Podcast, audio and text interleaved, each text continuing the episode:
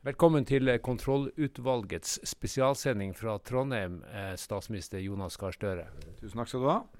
Vi sitter på Krambua kvelden før eh, landstinget og det kommunalpolitiske toppmøtet. og Jeg skal ikke dra parallellen for langt, men kommunen er jo litt som ei krambu. Holder på med litt av hvert. Men du har nå nettopp møtt eh, noen av dine lokalpolitikere, en del av dine ordførere. Hva var, hva var det viktigste du sa til dem? Ja, for det første så er det ganske mange, da. Skulle ikke tro det når du har hørt omtalen av valget, men det er mange, og de er veldig som eh, engasjerte kommunepolitikere flest, veldig engasjert i eh, hverdagen sin. Eh, I sin eh, kommune. De aller fleste har jo et og annet tema å ta opp med meg. Eh, og det er jo noe av det spennende i politikken, at de, eh, når jeg møter dem, så deler de syn på små saker, store saker. Sånn skal det være. og så brenner de jo for kommunen sin.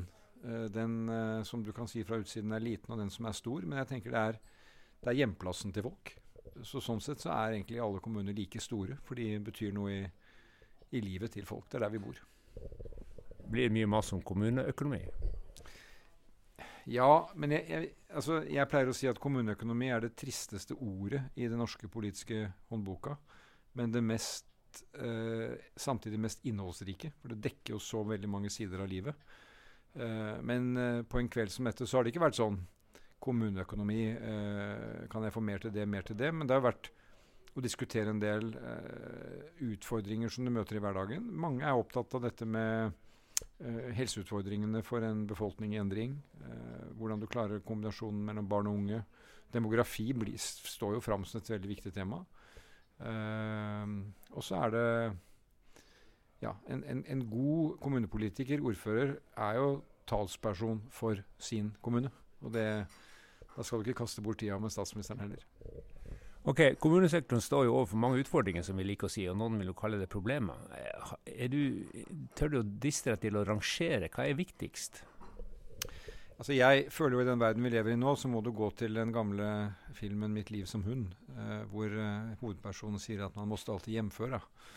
Ja, og Det betyr egentlig at vi skal minne oss på at eh, de store utfordringene som vi har, de, eh, de skal vi klare å håndtere, og, og, de aller fleste ville byttet på oss med oss på dagen.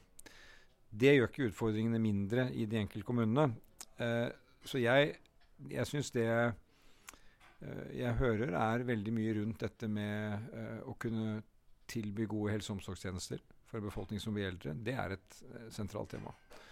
Og så er det jo dette med å planlegge for gode tilbud til barn. Rekruttere nok kvalifisert folk i barnehagen, inn i skolen. få kvalitet ut av det. Og så er det jo spennet i kommunene mellom de som opplevde tilflytning og fraflytning. diskusjonen om hva bolyst er. Eh, hva skal til for å legge til rette for at folk vil bo? Det er et, det er, dette er ikke eksakt vitenskap, det er et veldig spennende tema. Hva politikken kan påvirke eh, rundt det. Og så er jo disse som også diskuterer kommunale spørsmål, opptatt av den verden vi lever i. Da. Den er jo en verden med større uh, utrygghet rundt. Og det blir ikke borte for en kommune i Norge heller. Ja, for Du sa jo for en uke siden at uh, det er to ting vi må bruke penger på. Det er forsvar, altså beredskap og sikkerhet, og så er det helse. Hvordan slår dette ut i lokalpolitikken og kommuneøkonomien? Nå gjenga du meg, da. Jeg, jeg sa at uh, det er jo grunn til å tro at vi uh, kommer til å bruke mer på forsvar, gitt at vi nå må betale en høyere forsikringspremie etter å ha høstet en fredsgevinst alle de årene som var. Uh, og så sa jeg det at veldig mye av det du skal kjøpe for å ha et forsvar, det er ting som ikke blir bare billigere og billigere, det blir dyrere og dyrere. Uh, og tilsvarende er det innenfor helse. Når vi blir eldre som befolkning, så endrer det måten vi må organisere helsevesenet vårt på. Veldig mye der også blir heller ikke billigere, det blir dyrere. Så det er jo tilbake til politikkens kjerne. Vi må prioritere. Og øh, jobbe på nye, bedre måter. vi har jo lagt fram nå Ingvild Kjerkol, helsepersonellkommisjon, Uh, nå kommer helse- og sykehusplan. Uh, vi har en uh, stor eldrepolitisk pakke som er ute. Så vi har lagt fram mener jeg, veldig mye god politikk for å kunne håndtere dette. Men dette er ikke en situasjon vi kan møte ved å sitte stille. Og det er ikke bare snakk om heller at vi finner mer penger, men at vi også organiserer klokt i kommunene. Og jeg er veldig opptatt av innenfor helsevesenet at de dyktige folkene som jobber der, også kan jobbe på nye måter. man kan ha oppgavedeling på nye måter og finne fram til det. Effektivisering, omorganisering, omstilling blir viktige elementer. Også ja, i er det sånne ord som sliter ut folk litt. Er det ikke snakk om omstilling hele tiden? Og, altså, historikere sier at det eneste som er varig, er omstilling. At det skjer hele tiden. Men, eh, så, men, men jeg, jeg, tror kanskje uten å bruke det ordet, så er det jo å, å hele tiden forsøke å løse oppgavene på en måte som er eh, nært folk, eh, treffer behovene deres og da kan ikke måten de gjorde det på fem og ti år siden nødvendigvis være det vi skal gå i framover nå. Så kommer alt på teknologi. Nå har jo Karianne Tung eh, også vært på noen debatter iallfall blant våre i dag og snakket om digitalisering. Hvordan kan du bruke den til å, til å gjøre livet tryggere for mennesker? Store muligheter der, eh, hvis vi gjør det riktig, f.eks. Tilbake litt til den uh, sikkerhetspolitiske situasjonen. Det er snart to år siden Russlands fullskala invasjon. og det har gjort verden betydelig usikker. Og det har slått inn i den norske virkeligheten så det holder. Er kommune, kommunen, politikerne og medarbeiderne og for så vidt innbyggerne rysta for dette, både sånn praktisk og mentalt? Ja, det, det, jeg har sagt nesten fra jeg ble statsminister, er at vi nå må forberede oss på en mer alvorlig, kanskje den mest alvorlige sikkerhetspolitiske situasjonen siden andre verdenskrigen. Vi har gjort ganske mange grep nå med å heve beredskapen, bevilge mer til Forsvaret vi har hatt en forsvarskommisjon, totalberedskapskommisjon. Jeg tror dette siger inn på folk. og Jeg har jo de siste dagene vært opptatt av å si at de som nå sier at vi nærmest skal liksom forberede krigen, uh, det er litt farlig retorikk. Både kan det skremme folk unødig, og så er det å, å, å hoppe over egentlig den, den, den, den litt sånn gjennomtenkte roen vi også skal ha. Uh, vi trenger å investere mer i beredskap og forsvar, være mer årvåkne. Åpenbart med en nabo som har gått til invasjon av en annen naboland, så må vi gjøre det. Men så er jeg opptatt av at hvis du bare da hopper inn i en sånn militær eh, tankegang, så overser du en del andre forhold. Og hvis det er noe som har snudd livet opp ned for folk de siste to årene, så er det først en pandemi. Den kom via biologien. Og så var det ekstremvær. Eh, som jo Vi har hatt orkan i Nord-Norge nylig, men altså ekstremværet Hans som snudde livet opp ned. Så beredskap mot det er også en del av det som, eh, som, handler om motstandskraften. Og der er det jo kommunene eh, vi ser til. Det, fra min tid i Røde Kors så var jo en sånn veldig læresetning at de som kjenner samfunnet best i normalsituasjon, kjenner den best i ekstremsituasjon. Og det så vi under ekstremværet hans. Jeg reiste rundt Hønefoss, eh, altså andre steder, Nesbyen, hvor vannet flommet over. Så var det jo de som hadde den lokale kunnskapen, som visste hvor du skulle gå, hva du skulle gjøre. Eh, og det er kommunen. Et tema her i Trondheim er jo da håndtering og møte både kraftsituasjoner, men også natur. Eh, ta vare på naturen og jobbe med klimautfordringer. Eh, en, en, en, del av den diskusjonen er jo kraftutbygging. Kommunene sitter jo med nøkkel med å legge til rette, åpne for å være liksom en viktig aktør der. Du har sagt tidligere at du nekter å tro at ikke Norge, med all den plassen vi har, klarer å utløse et vindkraftpotensial på land, et til havs og et solkraftpotensial vi kan bruke en del av, av, landet vårt uten at vi får disse målkonfliktene som du beskrev. Men hvor, eh, hva er liksom ditt råd til eh, lokalpolitikerne som nå sitter med disse sakene i, i, på sitt sakskart? For det første så har vi jo endret nå på, på, beskatningen når det gjelder vind, som gjør at kommunene sitter igjen uh, med noe mer. Og det er helt rimelig hvis du først har inngrepet i din kommune, at du også skal ha noe igjen for det. Det tror jeg også skaper en uh, litt endret uh, holdning. Og så er det de gode konsultasjonsprosessene med berørte. næringsinteresser, reindriften. Vi har jobbet veldig mye med det i regjering. Hvordan vi skal gå gjennom hele feltet med berørings, berøringsflater mot reindrifta, som vi jo har i mange deler av landet.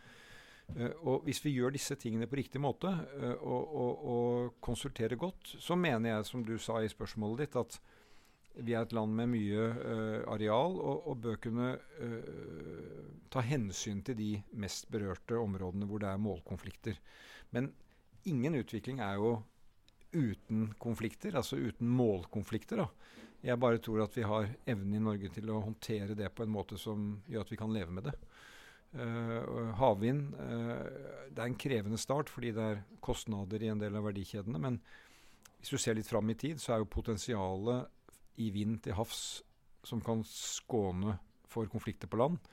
Da bør du konsultere fiskeriene og, og, sjøtransporten på en god måte. Men det er så stort det potensialet at jeg tror det kommer til å øh, vise seg. Men det er plass til noen flere vindturbiner på land i Norge? Ja, det mener jeg det er. Uh, og så må man jo lære hele tiden. Altså det er klart at uh, Storsamfunnet og departementer og myndigheter har lært av Fosen-saken.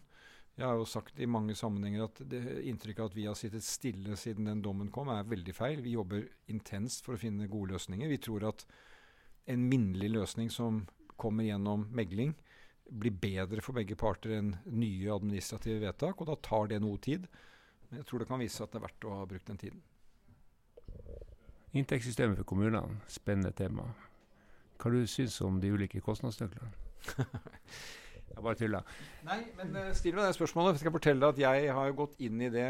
Uh, et felt ikke jeg har jobbet mye med, men jeg har gått veldig inn i det nå. Og jeg har latt meg uh, foredra, jeg vil si det fra de ekspertene som er. Og jeg har til og med fått et diplom fra ledende embetsverk i Kommunaldepartementet for å ha bestått Eller jeg, for å ha gjennomført en lang rekke brifinger om dette, da. Uh, men det er jo også et dypdykk inn i et sinnrikt system som er utviklet i vårt demokrati. Man blir veldig imponert over det. Og så er det klart at det å gjøre endringer i det er uh, krevende. For det er, jo på mange måter et nullsumspill hvor du må flytte på innen det. Uh, og hvor det kan jo hende at de som hadde ventet mye mer, blir ikke så fornøyd. De som får mindre, blir ikke så fornøyd. Og da er jo dette en del av ja, vi, vi, må prøve å finne et, en, en, god middelvei. Da. Eh, for det er åpenbart uh, behov for å gjøre noen grep. Ja, da Vi regner jo med at det blir litt justering på skatteutdelinga. Så er det vel, jeg ser jo for meg at når kommunalministeren sitter og jobber med dette, her, så skrur han på en knapp, og så begynner det å blinke et lys på et helt annet sted som han ikke tenkte at det var mulig. Men så vi får, vi, vi får vente på det. Um, helt til slutt, Dere la jo fram et svært en stortingsmelding om hjelp til Ukraina, Nansen-programmet. og Der har det kommet opp litt sånn kritikk fra kommunesektoren om at uh, man kunne kanskje løfta fram den der, uh, det institusjonelle samarbeidet og kommunene sin rolle i, i, arbeidet med å være med å bygge opp det som, uh, som må komme. Har du noen kommentar til den kritikken? Det er, veldig, det, er, det er, en veldig positiv kritikk, for det er jo et ønske om å bidra og gjøre noe. Og det tror jeg vi skal verdsette og, og se hvordan vi kan uh, ta med videre. Men, men, jeg er opptatt av å gjøre ting i riktig rekkefølge. Nå handler dette landet og uh, den kampen om å overleve uh, for Ukraina. De står i en kamp. Nansen-programmet har jo som sin idé at det skal være en støtte til gjenoppbygging. Uh, men halvparten, halvparten går jo nå til militær og humanitære formål, fordi uh, de rett og slett kjemper for å stå imot invasjonen. Uh, og hvis det skulle komme til en fredsløsning, eller Ukraina får bestemme selv, så kan vi gå mye bredere ut og tenke hvordan vi kan overføre norske erfaringer. Men nå handler det om å beskytte ukrainske byer med luftvern. Det handler om å bistå og bygge opp igjen eh, kraftverk som blir eh, bombet. Det handler om å sikre nok gass til å ha gjennom vinteren i de store byene. Eh, og den type ting. Men vi har ikke glemt eh, den, det tilbudet og den, den, muligheten, og den skal vi komme tilbake til. Takk skal du ha, statsminister Jonas Gahr Støre. Helt til slutt, hva er det peneste du kan si om eh, kommunesektoren? Nei, Bryt den ned på hver enkelt kommune. Det er der jeg bor og man skal snakke pent om hjemplassen sin.